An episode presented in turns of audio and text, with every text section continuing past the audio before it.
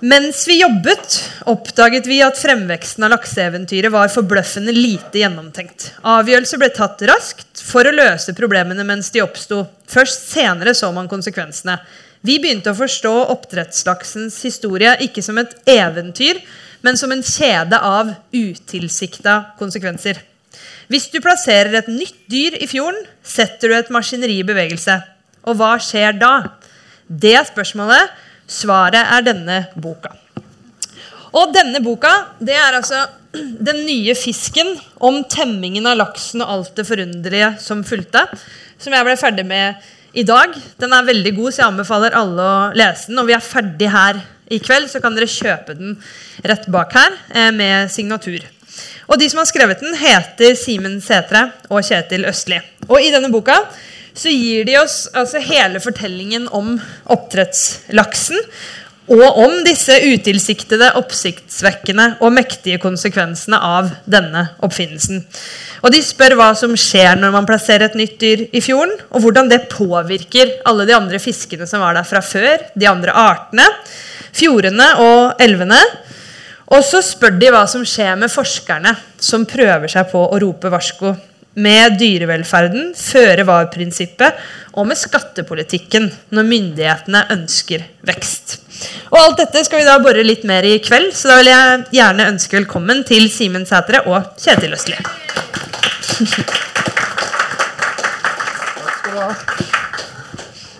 Velkommen. Og tusen takk for at dere ville uh, være her sammen med oss i kveld. Jeg tenkte jeg skulle begynne med å spørre dere litt om bakgrunnen for boka. Hvorfor ville dere skrive den boka? Hva var det som satte i gang dette arbeidet? Genial idé som bare kom inn i hodet. Eh, nei, den boka er jo resultatet av at vi har holdt på med emnet over uh, flere år. Eh, så er, egentlig svaret er så langkjedet. For Det starta med en artikkelserie for Harvest og Morgenbladet. Og så ville et forlag gi ut artiklene bare som, for å lage debatt i offentligheten. Og sånn Og så syntes vi da at da hadde vi holdt på i to-tre år. At når vi nå har fått så mange kilder, eh, også inne i næringa, mattilsyn og overalt, så virka det litt sånn trist å skulle forlate feltet når man liksom endelig har begynt å forstå det litt bedre òg, da.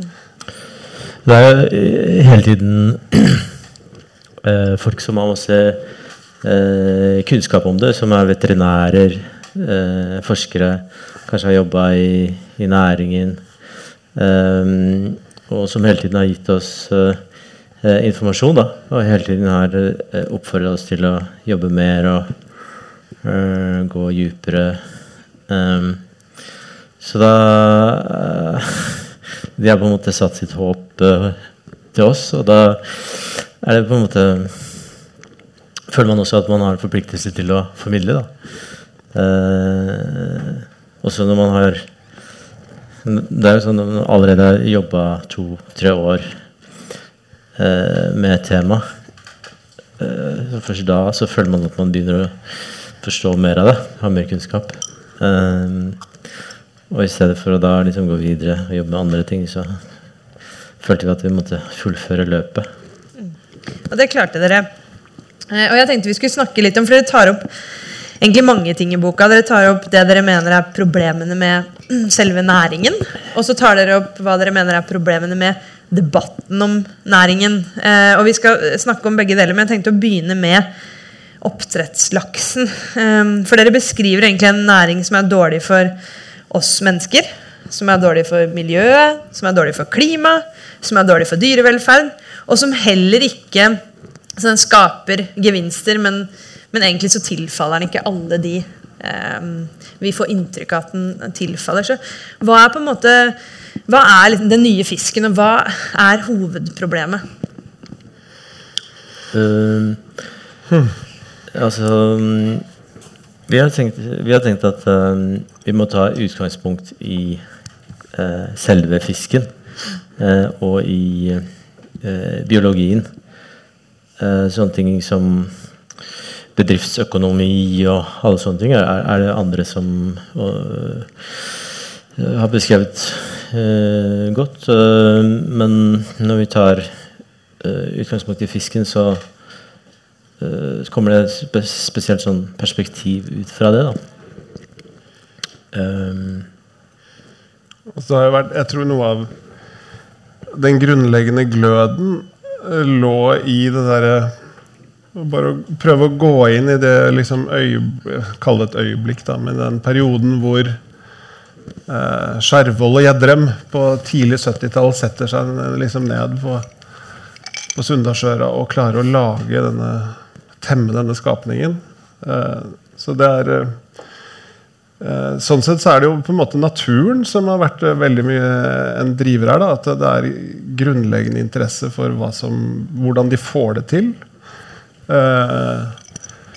Og hvordan de utvikler seg, og hva de støter på av utfordringer underveis. Så det er en sånn jeg, jeg, jeg, Inni meg når jeg skri, har jeg skrevet, så har jeg ikke tenkt på det som at uh, alt dette er så kritisk. og sånn, Jeg har tenkt på det som, også med sånn grunnleggende glød og entusiasme og fascinasjon. da.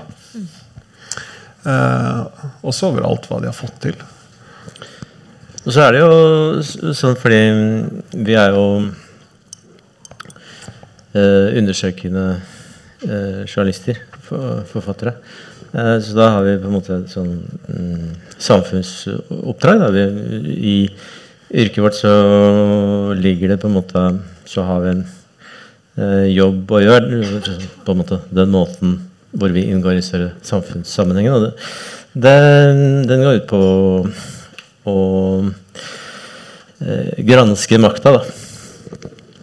Um, og i det tilfellet her så er det jo makt som ligger i det, uh, den økonomiske og politiske uh, dimensjonen, og, og, som til dels er uh, overlappende når politikere ønsker vekst.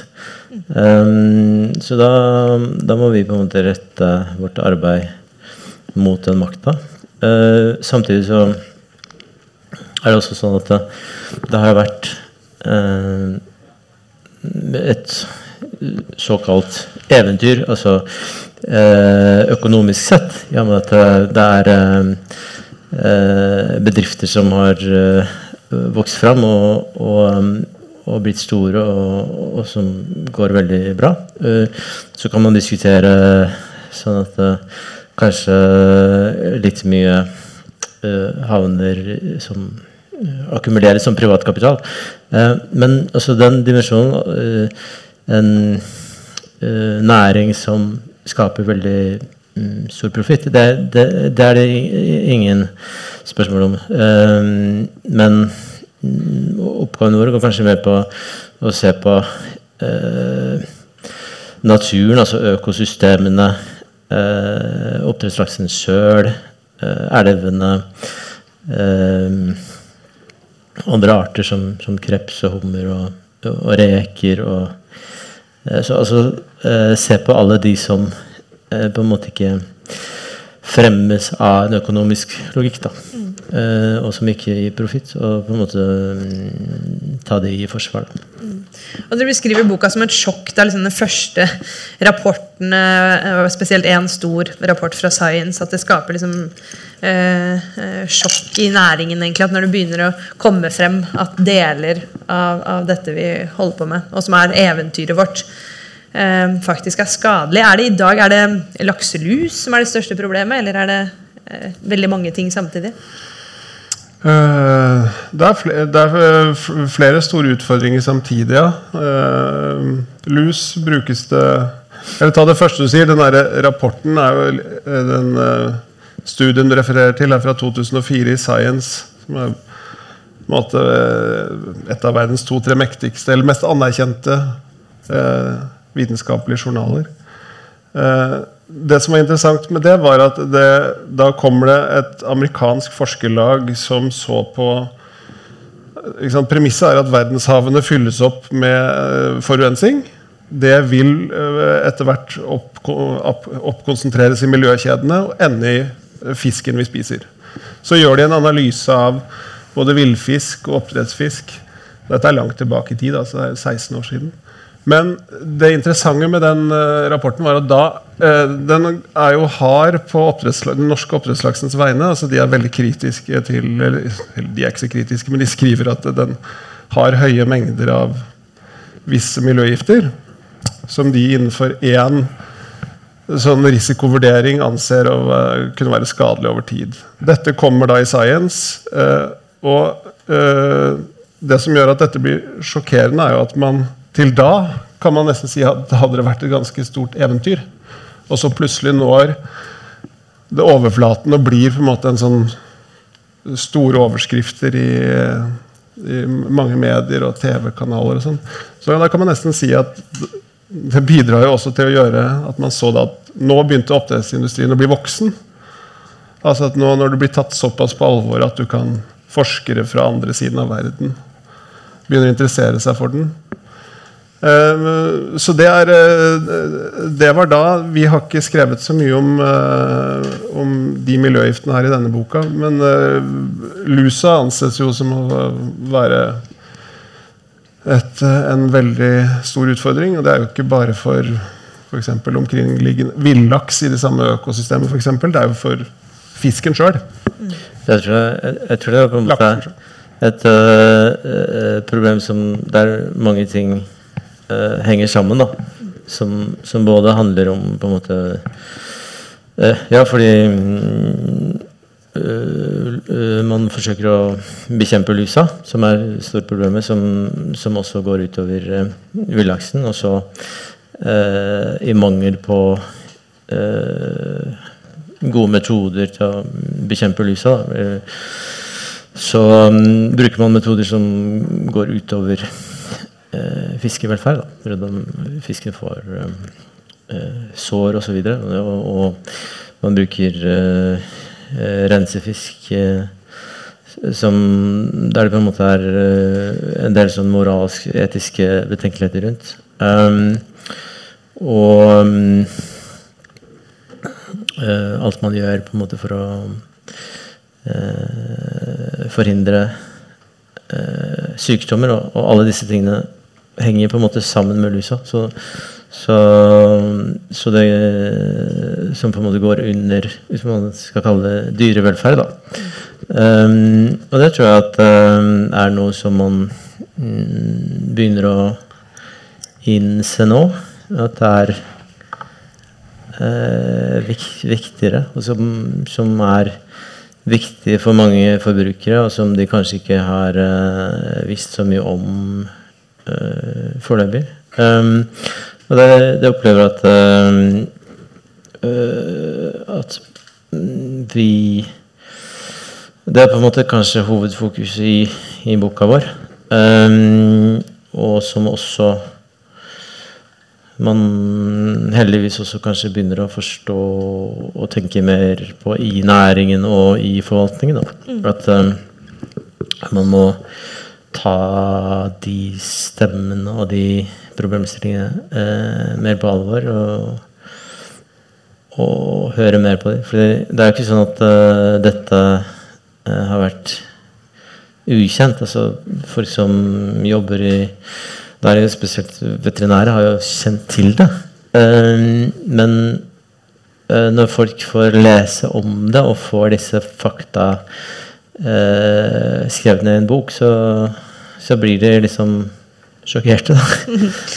så, så, det er på en måte det, det er ikke aksept for det. Og det, det tror jeg kanskje at det er, er noe som har nå, nå har vi fått en del anmeldelser og sånn om boka. Der skriver liksom at innholdet er rystende osv. Og, og, og det er ikke fordi vi har så veldig mye nye fakta, men det, det har ikke vært så kjent før. Mm. Og Vi skal snakke litt mer om hvordan næringen er behandlet eh, ut fra sånn som dere beskriver det. da. Eh, når det har kommet nye opplysninger. Men bare ett spørsmål til som jeg også synes er interessant i boka. for Dere skriver litt om at denne næringen sånn som du sa i sted, Kjetil, har jo vært Det var lenge et eventyr. Eh, og mange steder i lokalsamfunn så har det erstatta det tidligere fiske- og landbruket man hadde, som nå ikke ga bygdene mer eh, eh, liv, og at oppdrettsnæringen ga en ny sjanse som kunne skape arbeidsplasser lokalt. Men så dveler dere litt ved det, for dere sier men, men skaper det egentlig arbeidsplasser lokalt, eller, eller er det faktisk sånn at, at man legger igjen forurensning, mens at verdiskapingen forsvinner et helt annet sted? Dere viser bl.a. til at mange som jobber i denne næringen, eh, ikke er norske lokal, eh, lokale eh, folk. Dette er Simens eh, spesialfelt. Nei, altså eh, Forskning har vist at eh, mye av profitten går ut av landet. Det blir eh, eh, konsentrert i større eh, bedrifter, da, som, som ofte har utenlandsk eierskap, eller som har eierskap et annet sted enn der produksjonen faktisk skjer. Um, og rundt det så oppstår det da uh, en del spørsmål. på en måte. En ting er jo uh, om uh, man setter seg i den, den posisjonen at forurensningen skjer lokalt, mens profitten forsvinner et annet sted. Så vil jo det undergrave liksom selve legitimiteten til næringen. En annen ting er jo hvis det er sånn at de arbeidsplassene som skapes. Så det er jo bra at det skapes arbeidsplasser, men hvis for mange av de eh, går eh, rett til eh, østeuropeiske eh, arbeidsinnvandrere, så, eh, som kanskje til og med kommer eh, gjennom bemanningsbyråer, så, så skapes jo ikke de attraktive arbeidsplassene som man ønsker langs kysten. da. Og dere skriver jo også, blant annet, jeg tror jeg siterer en ordfører som, som under koronakrisen, da man eh, hadde en del utfordringer tilknyttet smitte og sånn, sa at nå skjønner vi at en stor andel, en enda større andel enn vi trodde av innbyggerne våre, ikke lever de samme livene som vi gjør. Og det viser vel eh, litt det du, eh, dere prøver å illustrere. Eh, og så tenkte jeg å snakke litt med dere om selve næringen. For jeg, eh, dere mm, skriver jo litt, eller skriver ganske mye i boka om hvordan næringen vokste fram. Og du var litt innom det også, Kjetil. Og dere beskriver, eller vet ikke om dere sier det, men dere undrer dere over om det var en litt sånn gullgrave eh. Eh, og så intervjuer dere en fra bransjen som nå eh, er, jobber med noen sånn valnøtter, tror jeg. Eh, som forteller om, om følelsen at sant, først satte vi ut én million laks, og så satte vi ut én til. Men, og det halverte jo kostnadene. Da fikk vi lyst til å sette ut enda en. Så ba, ja, Fortell litt om hvordan denne bransjen liksom vokste fram. Uh, ja Jeg tror jeg skal la deg, Simen, også, som husker pionerene best. Ja. Hvis vi starter med pionerene, så kan jeg komme inn. Nei, men altså Det er jo ikke sant, en helt ny type matproduksjon som har uh, vokst fram på 50 år. Uh, Litt og- lenger. Ja, enda lenger. Altså, uh, mens landbruk eh, har vokst fram gjennom tusener av år, ikke sant? Og, og man har prøvd, prøvd og feila og funnet fram til eh, beste måten å produsere mat på eh, på den måten. Og så eh, kommer det da en ny måte, og, og da prøver man og feiler, ikke sant? Um, hele tiden oppdager nye ting, nye problemer oppstår. Eh, så har det liksom til dels vært en sånn Reodor-Felgen-mentalitet også, at man finner stadig løsninger. Sånn ganske sånn Man er lensmann og oppdretter. Man er liksom fut og oppdretter. Med, Og en utrolig sånn fascinerende sånn oppfinnsomhet. da. Um, men så ligger jo hele, hele tiden det i bunnen på en måte med avveining mellom hva som gir best mulig profitt, og mm, det hensynet som må tas til naturen, da, til biologiske prosesser. Og på en måte man må hele tiden finne ut hvor mye eh, kan man sette profitten først? Hvor mye eh, kan man på en måte produsere, og på hvilken måte? Eh, og hvor mye må man være eh, litt forsiktig, da. Skal være ned. Ehm, og, og tenke på mm, biologien og miljøet osv. Mm. kan bare bryte av. Altså, det var ganske fint å være ute på Hitra og Frøya, som er liksom, noe av Norges virkelige oppdrettshovedsteder. Og så snakke med både frøyværinger og hitraværinger. Håper jeg sa det rett. Frøyværing, hitraværing.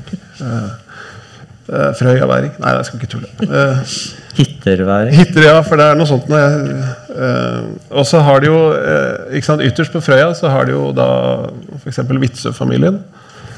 Også på naboøya Hitra så har de vel Lerøy og Movi, tror jeg. Eller SalMar Movi. En av de to store. men der er det På Hitra så starta det jo med fantastisk gründerånd. Og så føler jo mange liksom bitre karer der, eller familier som føler at deres liksom små bruk eh, i den liksom, gullalderen, pionertida En del av de ble velta av eh, sykdomsutbrudd. Og så ble eh, konsesjoner kjøpt opp av større. Og da kan man se ut på Dette er jo sånn klassisk Gol-Ål-konflikt. Altså, men da ser man ut på Frøya som liksom Der kom det folk og kunne kjøpe opp konsesjoner. Eh, så en, Man kan liksom se på også, også Hitra Frøya som en liksom mikrokosmos på denne utviklingen.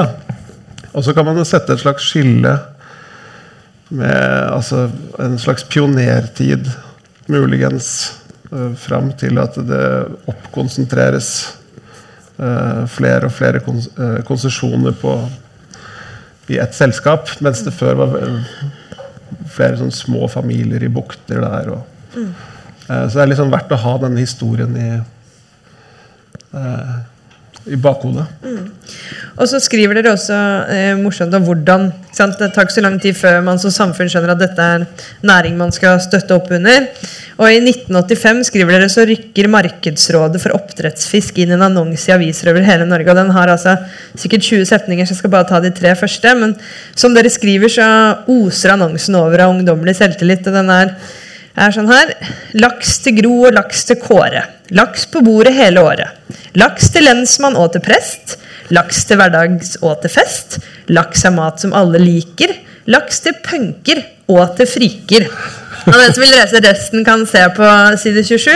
Men jeg, jeg syns det er liksom ganske betegnende for hvordan vi fort som helhet, altså som samfunn, ønsker å liksom støtte opp under og gi denne næringen eh, fart. Um, og så tar dere historien videre og så skriver dere om en ganske viktig hendelse på Lerkendal gård i Trondheim i, i 2012, hvor, hvor, vi kanskje fikk liksom, det ultimate, litt sånn eh, storambisiøse målet, hvor dere kanskje sier her etter det, der blei vi lovet for mye. For hva var det som skjedde der?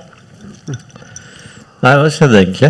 Altså Det var jo noen tilfeldig utvalgte personer som ble eh, invitert til et slags sånn seminar for å lage en rapport og liksom tenke høyt. Eh, og da um, hadde de noen tanker om hvor mye eh, havnæring, altså ikke bare oppdrett, men flere typer næring også, sånne næringer som ikke fantes ennå, hvor mye de kunne vokse, hvilket potensial de hadde. Um, Gitt at det og det og det problemet var løst. Mm. Ja. Og legges til. Og så, så glei den eh, rapporten de skrev, en relativt tynn rapport som, som, man kan stille en del spørsmål ved. Du må fortelle konklusjonen i rapporten. Ja, altså annet at um, det var mulig å femdoble um, omsetning, altså verdien, var det vel, av laks innen eh, 2050. Um, og så um, Og så glir denne rapporten på en måte uh, inn i uh, politikken. da Altså Vanligvis så, så, skjer det jo en type utredning av politikk. Altså gjennom at man setter ned noen som skal ha det som jobb i selve forvaltningen. Så, men her var det på en måte en rapport som kom utenfra alt annet og på en måte ble en slags bibel da, for politikerne. Og da var det på en måte ikke Plutselig så var det ikke på en måte lenger et estimat, men det ble på en måte et, et mål, eller Det skjedde en sånn gryende overgang Um, fra, fra at noen hadde sett noe som et umulig potensial, til at uh, noe skulle være et mål, og på en måte alt skulle underordnes det målet også. Så kom det jo da med Per Sandberg annet at uh, han mente at forskerne uh, skulle støtte det såkalte målet. da. Um, så det er et ganske interessant case i hvordan uh, politikk blir til. da. Men er det ikke bra med et mål? Det er alltid bra med et mål, men, men det må på en måte, før man setter et mål, så må man kanskje uh, utrede alle konsekvenser av det også, skikkelig. Um, og så tror jeg man skal uh, helst gjøre den utredningen innad i statlige organer, i stedet for at man setter det ut til en ja, halvveis lobbygruppe um, og gjør det. Så, så det er litt sånn Det er litt sånn vekker i hvordan man lager politikk i dag. Er det, altså, er det på en måte den måten vi skal gjøre det på? Um, det, og det tror jeg ikke man bør gjøre, da. Jeg husker, Den minna meg litt om Jeg husker jeg drev og researcha for en stund siden eller noen år siden om sykehusfusjonen. Og så husker jeg en sånn McKinsey-rapport som sklei på en måte ut i avisene om at allerede første driftsår så kunne sykehusene spare 830 millioner kroner om man fusjonerte Ullevål og Aker og Riksen.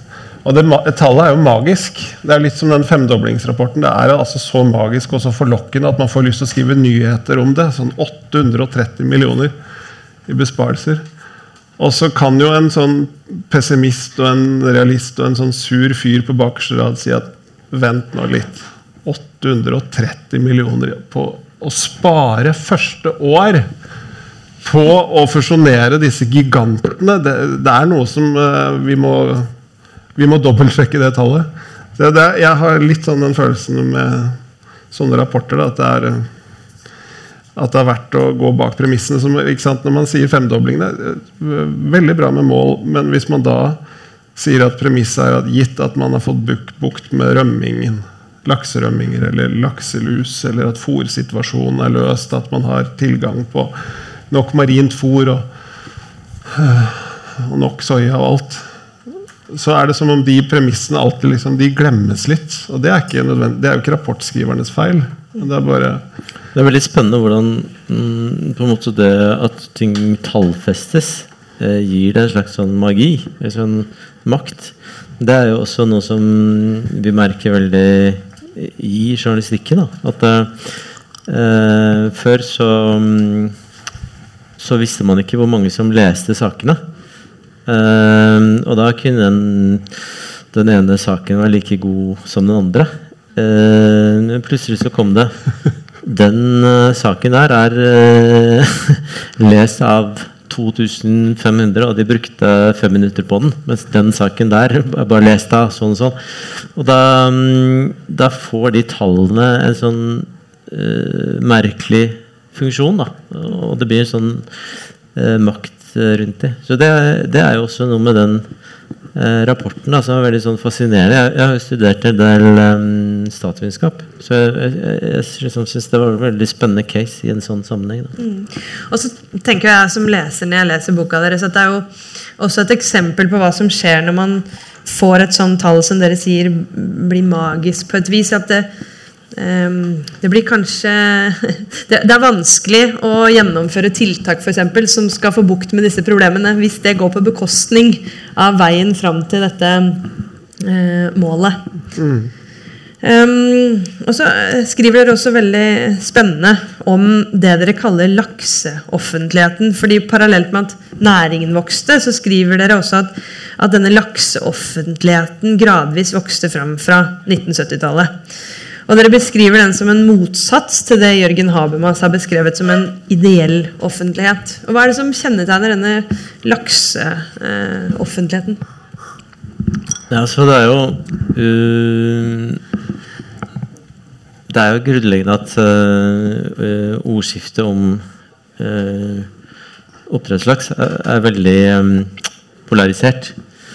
Um, og til dels at uh, ulike grupperinger liksom ikke snakker med hverandre. Mm. Uh, og da uh, I stedet for en liksom brei offentlig debatt rundt disse spørsmålene, så, så um, oppstår det sånne ulike lukka frater. Um, og det er litt sånn interessant sånn uh, Alltid interessant å liksom komme inn i en, en, annen gruppering sin, sitt debattrom, liksom. Um, vi hadde jo, Da vi begynte å skrive disse artikkelseriene i, i Morgenbladet, sånn, så, så, hadde vi aldri lest disse med denne ilaks og intrafish. Og, og, det var ganske interessant å se på en måte hvordan folk i en bransje uh, snakker med hverandre. Da, hvilke aktører som er der. Og, eh, så, så det ble en slags sånn Uh, nå har vi jo lest i fem år, så jeg fikk liksom lyst til å skrive en slags sånn observasjon av det terrenget. da.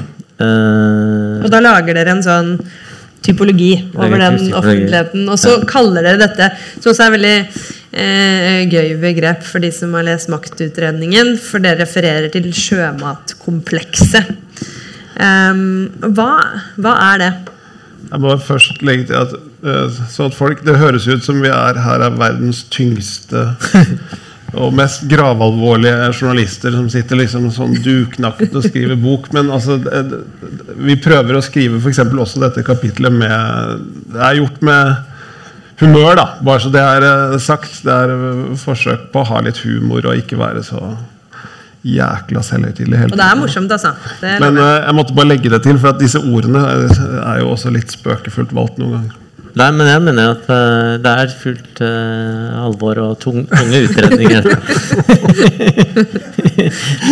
det er morsomt skrevet, i hvert fall. Sånn holder vi på. For nei, men altså Nei, men uh, jeg har jo jobba mye i Morgenbladet. der er det alvorlig. Der er det alltid veldig alvorlig. Men, men, det er spesielt gøy hvis man kan eh, skrive noe som egentlig er litt morsomt i en veldig alvorlig tone. Men forklar sjømatkomplekset. Nei, sjømatkomplekset. Nei, det er bra du hjelper meg litt. Ja, Kjetil. Ja. Nei, altså, dette, dette springer ut av, av mine veldig grundige, ærerike statsvitenskapsstudier. Der uh, Trond Nordby tror snakka en god del om um, uh, liksom sånne jerntriangler og uh, Jeg husker ikke hvilket, hvilket, ord var det de brukte om det i maktutredningen. Altså Gudmund Hernes var jo ja, segmentering, altså segmenter. Um, at det dannes uh, interessefellesskap uh, liksom uh, innad og på tvers. Mm. sånn at f.eks. Uh, interesseorganisasjoner går sammen med fagdepartementer og nøkkelpersoner der. Eh, og eh, også sånn journalister i fagmedier eh, og noen flere aktører. Og på en måte skaper et slags sånn eh, interessefellesskap eh, som de fremmer sammen. Da, fordi at man får en uh, liksom felles uh, verdenssyn og, og, noen felles mål. Um, og hvis da liksom den større offentligheten ikke er uh, interessert av dette, og det er bytting av jobber litt til og fra, ut og inn av næring, departementer og sånn, så, så, kan det dannes litt sånne komplekser, da. jeg tror at de var også eh, inspirert av denne eh, eh tankegangen med det militærindustrielle kompleks. Mm. Eh, som han eh, statsviteren, husker jeg hva han heter, eh, beskrev i USA. Um, og så mm, Det som vi merka når vi begynte å uh, jobbe med det her, var jo at um, vi Hvis vi sa noe til noen i f.eks. For et forvaltningsorgan, og så ringte vi etterpå til noen i et annet sted, kanskje noen i næringen eller i interesserelasjon, så, så, hadde de på en måte snakka sammen før vi ringte. Um, og da forstår jeg at det er på en måte forbindelser mellom folk som har jobba lenge med det samme, da, altså som, som, som, kjenner hverandre. Og at det, det liksom i tillegg til at det er liksom skillelinjer, så mm, er det også kanaler mellom de forskjellige. Da. Men er det bare negativt? At man har noen, Man kunne jo også kalt det sånn samarbeid, kunnskapsdeling. Er det bare negativt? De mener jo at det, dette er liksom del av suksessen. At det, at det har vært tette forbindelser og eh, mange som har jobba for det samme. Så, så samtidig så så tenker vi jo også at det lett kan bli eh, litt eh, dobbelte roller. Da. Uklare roller. Um, og um, så er det viktig at uh, alt på en måte er godt underlagt uh, demokratisk kontroll. Da. At ikke dette komplekset liksom styrer for mye for seg sjøl, for sin egen interesse. Og Dere skriver jo en del om dette. Det er kanskje det så denne boka her er jo rystende både eh, når dere beskriver miljøproblemene i næringen, men også når dere beskriver eh, en del metoder som dere mener denne næringen bruker. Bl.a. at de diskrediterer kritikere. Og dere beskriver noen typiske trinn. Dere skriver at Vanligvis så publiserer de kritisk informasjon, så prøver de å avlede, mistenkeliggjøre, utsette for press, og så degradere. Det er jo ganske alvorlige som beskyldninger. Så dette eh, Jeg tror ikke det liksom er det sånn taktikk som brukes bevisst. Eh, men det har skjedd eh, i en del tilfeller at at folk som har fremma kritikk, har vært utsatt for det. Og problemet da er jo at folk blir redde, og at viktige debatter og viktig kritikk eh, ikke kommer fram sånn som det bør. da. Mm. Og Dere skriver jo mange eksempler på det, som dere mener er undergraving av viktig forskning og stempling av forskere. Og Et eksempel som også vi i Agenda har liksom engasjert oss litt i, er dette med, med grunnrentebeskatning. Der et eh, regjeringsnedsatt utvalg ledet av Karen Helene Ultveitmo jobbet grundig og lenge og intenst med å gjennomgå en utredning eh, hvor man endte med å foreslå en grunnrentebeskatning på oppdrettsnæringen. Men som dere også godt beskriver, så var jo det forlag, eh, forslaget så politisk dødt eh, noen måneder før denne utredningen kommer på bordet. og Dere skriver at det, det statsvitere kommer til å diskutere dette i årevis. Men hva er på en måte deres foreløpige analyse av hva som skjedde? Jeg skal bare skal komme til, skal bare, jeg kom på et, et eksempel som jeg syns var litt sånn til det, til det, forrige du nevnte. Altså, hvis du f.eks. ringer en forsker som har, eh, som har noe kritisk funnet ut noe, eh, noe, som er kritisk, det er ikke nødvendigvis superalvorlig, men noe kritisk for deler av næringen. Så kan man eh, forelegge den informasjonen for, for, om det er næringens organisasjoner eller for forvaltningen. og så kan det, Eller til og med forvaltningen. Så kan man spørre hva tenker dere om denne informasjonen. Og da, det, da, får man raskt en sånn fornemmelse at ja, dere har dere snakka med de forskerne, ja.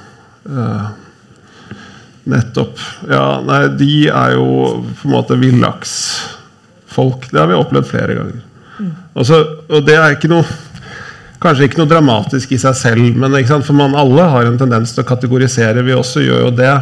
Men når man begynner å uh, høre det flere ganger, sånn at uh, man blir så på en måte karikert inn i sånne båser. Da. Det, var litt, det er også litt det vi skriver om i det kapitlet du nevnte forut for det med grunnrenta. Lakseoffentligheten. Mm. Ja, som gjør at du, Og så blir det jo sånn at man får berøringsangst selv. Å ja, nei, men den personen er jo eh, Den er jo litt sånn, den.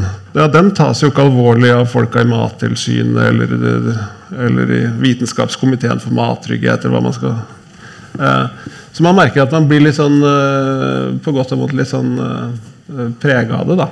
Så det er, det er, litt de mekanismene vi prøver å skrive, og vi skriver oss da oss selv inn i det. Hvordan vi selv liksom Den skal vi ikke ha kontakt med. Mens den, den er vel mer gangbar. Den har jo både en fot i næringen og i andre leiren. Da er det et eh, sunnere, på en måte. Ja, det var bare en Det er jo, det, det er jo på en måte mm, Ja, tilbake til liksom eh, Habermas. Altså det, er, liksom litt sånn vi kom inn i dette med hvordan denne debatten fungerer. Eh, og eh, Ja, og hva som på en måte eh, Hvorfor eh, snakker ikke de ulike grupperingene sammen, og, og hvorfor er det liksom polarisert? Og eh, hvorfor klarer man ikke å eh, kom, komme konstruktivt videre med det? Men eh, til dette med grunnrenteskatten, så dere beskriver jo hva som, hva som skjedde, egentlig. Ja, Eh, ja det var det, ja. Mm. ja. Ja, hva skjedde? Ja. Ja, det er også en interessant case. fordi at eh, også sånn rent sånn statsvitenskapelig hvordan eh, interessegrupper jobber eh, opp mot eh, staten i, en sånn stor sak. da. Eh, og det som jo eh, var eh, nøkkelen her, var at man klarte å, å mobilisere det som en slags sånn di distriktspolitikk. Man klarte å liksom fremme den distriktspolitiske liksom, diskursen rundt det, i stedet for at eh, det var snakk om uh, fordelingspolitikk. Altså, så, altså, på den siden så burde eh, milliardærene liksom yte mer til fellesskapet. Eh, nei, her var det snakk om eh, Klarte man da å vri det over til at eh, det handla om eh, Kysten gjør opprør mot eh, mm, byråkratene i Finansdepartementet. Eller eh, sånn. Og det Nå tegner jeg litt sånn grovt bilde, men det mm, var noe som hadde en slags sånn gjenklang hos mange politikere, som da tok den kampen for det. Og det som var spesielt, var jo da at eh, man da fikk politikerne til å eh, ta stilling til det før utredningen forelå. Mm. I praksis så brukte man da eh, to millioner kroner på eh, en statlig utredning. Eh, og så tok alle eh, politikerne stilling til saken før utredningen forelå. Altså, egentlig så burde man jo da ta seg tid til å lese utredningen, og så ta stilling til den. Men Og det gjorde man gjennom bl.a. å engasjere eh, PR-byråer til å hjelpe seg med å fremme saken. PR-byråer. øh, det var øh, et forskningsprosjekt som hadde påvirkning. Um, og um, Og utvalgslederen, eller Karen Helene Ulltveit Moe, som også får vel eh, ganske tidlig i prosessen, eller underveis i prosessen, høre at hun er mer politiker enn hun driver med å lage rapport. Ja, Det kom kanskje etterpå, men man klarte jo da um, å påvirke eh, en del lokalt. da. Og så liksom man påvirker lokalt, og så kan da disse politikerne lokalt fremme saken eh, mot sine partier. Eh, og det er jo en kjent sånn strategi Veldig effektiv strategi i eh, lobbyisme. da. mm. Også, astroturfing. Og sånn dere beskriver, så det som, som var interessant med, med denne saken, var at noen av Norges aller aller rikeste kommer fra denne næringen, som dere også beskriver. Men, men istedenfor å ha et sånt klasseperspektiv i diskusjonen om at de rikeste skal bidra mer, så, så kobla man seg på en, en pågående sterk debatt som på en måte tiltok i styrke, styrke da, mellom ja, distrikt Og det var jo, det var jo norsk, eh, det en veldig sånn, eh, et norsk narrativ, det der. Med sånn kaffe latte-drikker i Oslo 3 mot liksom eh, oss i distriktene, liksom. Den er jo, den Vi er jo kaffelattedrikkere caffè latte-drikkere fra Grünerløkka. Vi er caffè latte-drikkere fra distriktene. Vi, Ja. vi er egentlig fra distriktet, men eh, Nei, uansett. Men eh, nei, jeg er egentlig imponert over eh, eh, det arbeidet, da. Ja, det er Eh, fantastisk gjort.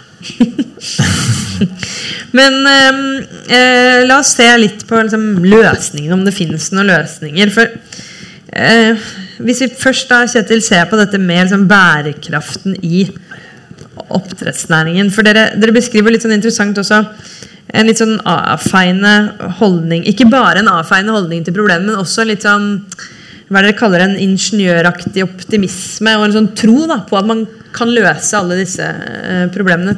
Tror du det går an? Nå blir jeg fanga her. uh, ja, vi, har, vi, har, gjennom hele boka prøvd å skrive fram liksom, uh, gladlaksen, som er liksom uh, den liksom, teknologioptimisten. Og den surtrynet bak, liksom, som 'dette går ikke' og dette er Surskilla. Surskilla, som vi prøvde å kalle det i dag. Men, uh, så det er en slags det, det, det, går igjen i flere steder i boka. Da, og vi tar vel ikke så mye eh, stilling der egentlig. Vi viser fram liksom både de sureste kritikerne og de gladeste laksene. Men vi har jo brukt et eh, perspektiv der som, eh, som, stammer fra Robert Merton, en artikkel fra 1936, tror jeg. The Theory of Unintended Consequences. Altså når man gjør, når man gjør noe med et økosystem, eller når man gjør noe, men bruk økosystem her, da, så vil det, så vil det få konsekvenser du ikke hadde forutsett. Det, det vil skje overalt. Eh, og så maner jo Merton i sin eh, artikkel eh, fram til en, at man må erkjenne det eh, for å utrede og kunne så mye om det man nå skal gjøre i dette økosystemet, at man på en måte har klart å for, forutse så mye som mulig. Da. Og, at, og I det så ligger det også et slags føre var-prinsipp. Mm. Ting vil få konsekvenser, enten på kort eller lang sikt. Mm. Eh, og hvordan de, eh, hvordan de løsningene er, det, det, det, kan ikke vi gå inn på. Men vi kan jo men man ser jo at det som er ganske fint her, er at vi har fulgt bransje nå i fem år. Så vi ser jo at fra vi starta å skrive, eh, så har det jo blitt eksplosivt mye mer om f.eks. dyrevelferd i bransjen sjøl. Eh, det er mye mer eh, debatt om denne leppefisken som fiskes vilt og bruker i merdene til å spise lus av laksen, og som oppdrettes som rognkjeks for å spise lus av laksen. Og som gjerne blir syk og dør på jobb eh, for laksen. Eller for de som eier laksen. Det er mye mer omtale av det. Det er mer omtale om hvordan man kan få lokka systemene, så ikke all kloakk eller all avfall går ut i fjordene. Eh, mye mer gründervirksomhet på forskjellige typer lukka løsninger. Eh, så det gir jo, i hvert fall eh, for å svare litt sånn eh, Svare der på en litt annerledes måte Det er ganske De årene som vi har holdt på med det, har i hvert fall gitt oss liksom en tro på at innad i bransjen sjøl så er det eh, skjer det noe nå, da. Og Dere peker jo også på at noen land går jo foran, og så er det også noen oppdrettere i, også i Norge som prøver å gå foran. Og Dere etterspør bl.a. Eh, at man merker laksen bedre i butikken. Sammenlignet med liksom, Hvis du en, kjøper deg en fransk vin, så kan du liksom finne ut det du vil på, på etiketten, men istedenfor så minner norsk laks mer om liksom, amerikansk kylling. Er det en sånn er vi forbrukere da, nok bevisste på det, tror du? At hvis vi hadde fått mer informasjon, så hadde vi liksom kunne klare å sende et tydelig signal om at vi vil ha den fisken som, som, som man har klart å, å, gjøre minst mulig miljø- og klimafiendtlig? Det er liksom, ja, Den håpefulle i meg sier ja her, og den uh, dystopen i meg sier jo nei. uh, altså, Hva var det NRK lagde sånn om eh, svineproduksjon for et par år siden. Altså virka som om hele Norge nå skulle ikke spise industrielt svin. I hvert fall sånn på måten man leste debatten og Facebook og Twitter. Og så går det en uke, og så hvis, er det som om tallene er liksom akkurat som før. Uh, jo, man spiser bacon. Uh, så det var mer sånn dystop Eller liksom den sure Kjetil som sier det, da. Eh, men det er jo helt klart at eh, selv om det tar tid, eh, så virker det som om altså sånn, rettighetstanken som liksom har bredd seg i de siste hundre årene, også nå omfatter mer i større grad dyr. Mm. Det er jo ikke bare virker som, det, det skjer jo. Og lov om dyrevelferd fra 2009 for eksempel, som stadfester det. Så det, disse tingene er jo på vei, også i jussen. Eh, og så kan man jo eh, er det mange ting som renner meg i hu med, eh, samtidig her. Men en del av de Det som er litt synd, da, er at eh, hvis vi går på, fisk, eh, på Rema, så kan du finne f.eks. om det er stange, eller du kan finne mange forskjellige som, som skryter litt av at de produserer på Vi prøver å ta det på alvor, eller vi har frittgående høns, eller vi har sånn og sånn fôr. Og Det er jo ennå en mangel i lakselandet Norge. Eh, Så når vi har etterspurt og spurt flere av de, noen av kildene som små oppdrettere, så sier de at markedet i Norge er for lite for liksom deres Om det er en type økologisk laks eller det de vil kalle premiumlaks. eller så Det går liksom Det selger vi til USA eller til Frankrike eller Tyskland eller Og ikke bare fordi det er, tror jeg, fordi det er så mye mer velstående Det også, folk, men fordi det er en annen bevissthet. da Eh, Så det var den, mer den Det er jo blide Kjetil. det var bra du vi kom med han til slutt. Det, ja, det, Det er veldig sånn Det er jo en næring som er veldig sånn skapertrang. Altså, sånn, voldsom sånn kreativitet. Sette i gang nye ting, og, og det skjer veldig mye hele tiden. Men så, så tenker jeg at eh, man kanskje fra eh, statlig hold kanskje kan bli litt strengere på en del ting. da Pushe litt eh, mer i noen retninger som, som kanskje næringen vil være mot liksom, i første omgang, men sånn på lengre sikt at det vil eh, være bra. Da liksom sikre legitimiteten. Sikre at uh, at eh, nordmenn blir liksom stolte av uh, denne produksjonen. Da. Um, kanskje at man har vært for ettergivende og for lydhøre til det næringen har ønska på kort sikt, og så uh, har man ikke uh, klart å få uh, den fordi man på en måte må være streng og tenke, tenke langsiktig fra statens side for å få den liksom opp der. Er- og det er ingenting vi ønsker mer enn det. da Men mer sånn på kort sikt så, så er det jo at man kunne hatt øh, mm, ty, ty, tydelig ikke bare merking, men at øh, at man kunne klare å få konkurranse mellom ulike uh, lakseprodusenter. Uh, ikke bare på pris, men også på liksom at noen sier at vi, vår laks har hatt det mye bedre enn de andre. Og, og, og at man eh, kan på en måte få en konkurranse på sånne parametere, annet dyrevelferd, og at man gjennom det på en måte klarer å løfte hele eh, næringen. Vi, skal, vi går snart mot slutten, så jeg vil gjerne, hvis noen har spørsmål, så har jeg tid til et par stykker. Så mens dere tenker på det, så skal jeg stille et spørsmål til, til dere igjen. For jeg lurer litt på, Dere har jo snakka om hvordan næringen håndterer kritikere. Hvordan har dette vært for, for dere? Dere beskriver bl.a. Liksom, da noen hadde vært litt vanskelig å få tak i. Har dere opplevd at noen eh, har prøvd å diskreditere dere og det dere jobber med? ja, det, det skjer jo litt, det, men det har vi vært forberedt på. da Eh, Det fikk vi jo litt under eh, artikkelserien. og eh, og det er eh, Man kan jo si at stillhet er mye verre, egentlig.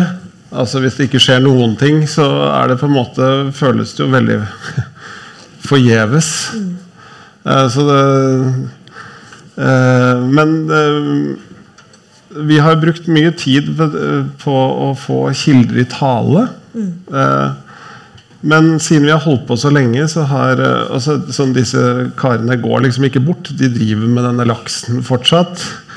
Eh, Så da eh, har det liksom kommet eh, flere kilder til da, eh, som stoler på, som stoler på så at vi prøver faktisk å, eh, å ta opp ting til torget så på en eh, kritisk, ja, men en eh, ikke for å ta noen, men for å rett og slett prøve å gjøre ting bedre. Få til Bidra til at ting skal bli bedre.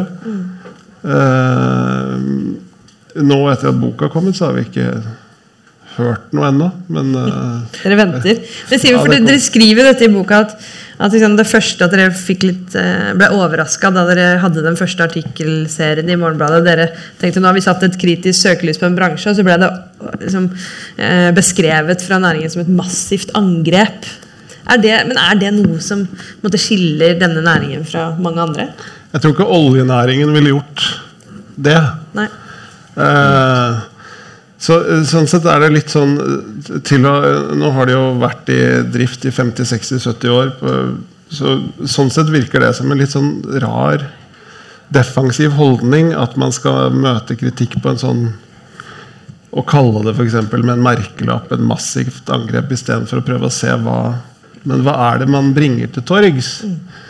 Eh, så det, men jeg har en at det vil være at det er en sånn evolusjon på gang. At det, det vil endre seg også med tiden. Det er jo litt, sånn, det er jo litt sånn mm, Illustrerer at eh, det er en eh, eh, sånn tankegang om at man er litt sånn under angrep, da. Eh, og det er ofte ikke en uh, veldig bra posisjon i forhold til å liksom, ta inn nye ideer og, og, og lære av kritikk og sånn. Eh, det er ofte det som vel ofte er at eh, sånn i forhold til kilder og sånn, så har det vært veldig vanskelig sånn gjennom offisielle kanaler. Sånn at eh, man vil ha alt på e-post og liksom til slutt bare gir opp å få informasjon. Men så er det andre som snakker anonymt og forteller masse. Um, og, og, og masse folk som liksom ja, som ønsker at ting endres litt, da, men som ikke tar den kampen helt sånn åpent. Er det noen som har noe spørsmål? Ja, der. Det er en mikrofon her, er det ikke det? Ja, Du kan skynde deg opp eh, hit. Da tar jeg det ene spørsmålet, så skal dere få svare på det. Så skal jeg avslutte med mitt eget etter det. Vær så god. Kan du presentere deg først? Ja, takk. Truls Gullovsen heter jeg, fra Naturvernforbundet. Eh, Jeg har fulgt oppdrettsdiskusjonen eh, en god del år forskjellige, fra forskjellige perspektiver. Og da dere kom med deres artikkelserie, så var jo det en eh, fantastisk gave til diskusjonen om oppdrettsnæringas miljøavtrykk og, og egentlig rolle i samfunnet. Men den ble jo i stor grad også tiet i hjel. Kanskje fordi at det ikke var en ordentlig kampanje bak, og det var ingen som fulgte opp. Artiklene kom litt sånn kanskje fordi at dere måtte skrive dem. Eh, og når dere nå eh, så at, så Jeg føler i hvert fall ikke at det, artikkelserien skapte den debatten og den endringen som den hadde fortjent å skape. Så jeg ble fryktelig glad når dere samla det til bok og til og med har utvida perspektivet med mer oppdaterte saker. Eh, fordi at dette er jo en næring som trenger kritikk og fortjener kritikk og, og, og kritisk søkelys. Så jeg lurer på hva håper dere skal skje nå, og hvorfor? Veldig bra. Jeg pleier egentlig å måtte stoppe sånne innlegg, men dette var skryt. Det var skryt så da måtte jeg la det. Det var veldig hyggelig at dere skulle få svare på det. Jeg kan bare eh, svare en kort ting. Han Witzøe, eh, far sjøl, han sa jo i Jeg husker ikke hvilket fiskeritidsskrift det var, men at eh, han hilste kritikken velkommen. Eh, et, et sommerintervju, for da ble man bedre. Eh, man ble bedre av kritikk. Eh, det er et godt spørsmål du stiller der. Hvis du starter, så skal jeg fylle inn, Simen. Skal jeg tenke meg å finne noe presist her? Nei, men altså mm, Vi begynner jo bare eh, i det små. Vi har gitt ut denne boka, så håper vi at mange leser den. Ehm, og at de som leser den, forteller om den, gir den videre. Ehm, og så skal vi masse små biblioteker rundt omkring og prate. Um, og så håper vi at uh, forskjellige aktører tar tak i det og, og bringer det inn i en breiere, forhåpentligvis bedre debatt da, enn det som har vært. Jeg kan jo si en, Ehm, men det, vi kan på en måte ikke ja, Nei, vi må bare begynne med, det vi kan gjøre noe med. Så får jeg bare håpe at budskapet er sterkt nok til at det mm, formidles videre, liksom.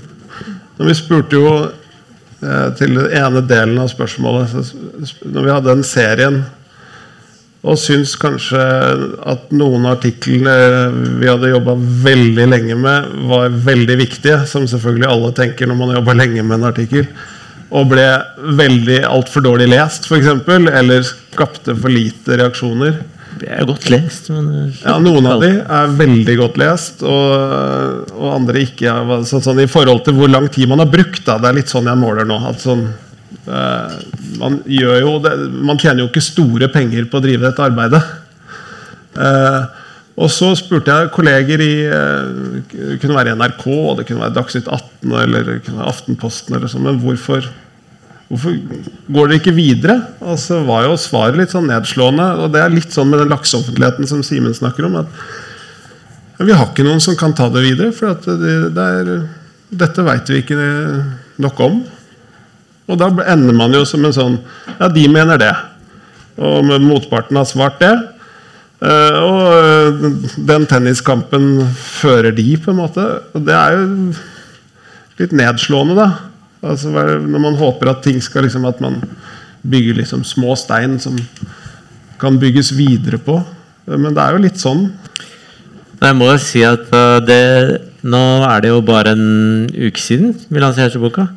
Og det har vært helt sånn fantastisk. eh, både med anmeldere som forstår liksom boka og gir kjempebra kritikk, og masse salg av bøker og Det er liksom Og eh, invitert til liksom det ene stedet etter det andre for å snakke om det. Så, så det er jo på en måte mm, tydeligvis ganske sånn modent for det her, da. Så du merker at det At den eh, Nå skjer det eh, ting og er stor entusiasme. Så det er jo kjempegøy å, å se det. Ja, men kanskje du øh, Er det ikke litt sånn at time, noe med timing at noen noen ganger så er det Hvis du har snakka om plast i havet, så kan man ha gjort det i tre år også uten at folk er opptatt av plast i havet. Og så kommer det en Så plutselig er tiden moden for å snakke om det.